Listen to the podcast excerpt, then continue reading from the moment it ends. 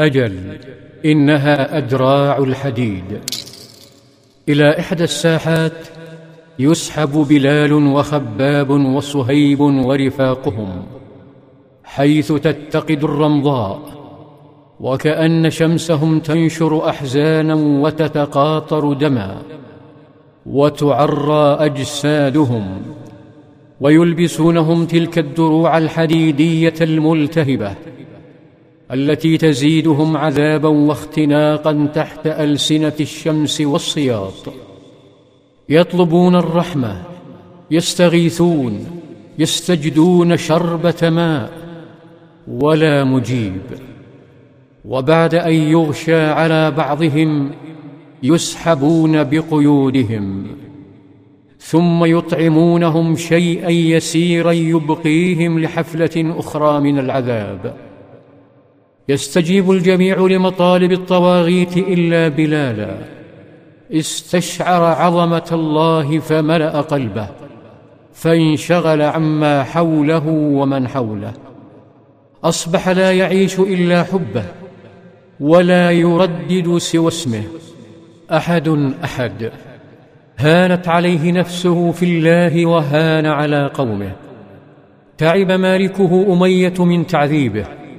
فأمر بربط عنقه بحبل ثم نادى مجموعة من الأشرار فألقى بطرف الحبل إليهم ليتسلوا به وكأنه دمية كأنه ليس من البشر فأخذوه في الطرقات يسقط فيسحبونه يتعثر فيركلونه يعرج فيشتمونه.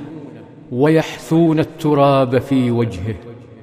يفعلون ذلك وسط قهقهات أمية ورفاقه الذين يمارسون قبحهم على جسده. لكنهم عجزوا عن إطفاء النور الذي يحرره من أعماقه. أحد أحد. تحرر بلال من كل لغات الإملاء وبلغ أقصى مسافات الحرية. فلم يعد أمامه من يستحق الخوف والإذعان سوى خالقه. كان يحاول أن يسقيهم رشفة من نبع السماء لكنهم يصرون على الانحناء للأخشاب والخرافة. ضاقت قريش بالتوحيد وتسلل المعذبون لنبيهم يشكون يكشفون له آثار التعذيب. ويناشده خباب يا رسول الله ألا تدعو لنا؟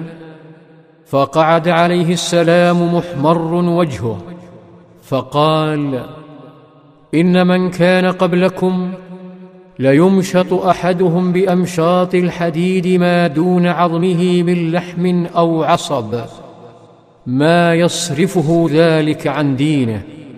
ويوضع المنشار على مفرق رأسه فيشق باثنين. ما يصرفه ذلك عن دينه. وليتمن الله هذا الأمر حتى يسير الراكب من صنعاء إلى حضرموت لا يخاف إلا الله عز وجل والذئب على غنمه. ترتفع معنويات المعذبين لهذا الوعد الحق.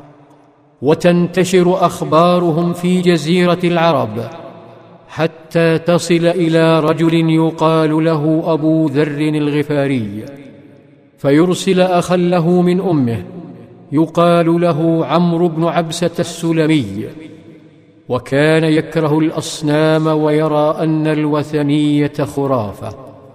امتطى عمرو راحلته تقطع به الفيافي والأودية وحين تحط به حول الكعبة ينزل عنها ثم يطوف بالبيت ثم يتلفت يبحث ويتلفت فلا يرى منهم أحدا. أين من شغلت أخباره الجزيرة كلها؟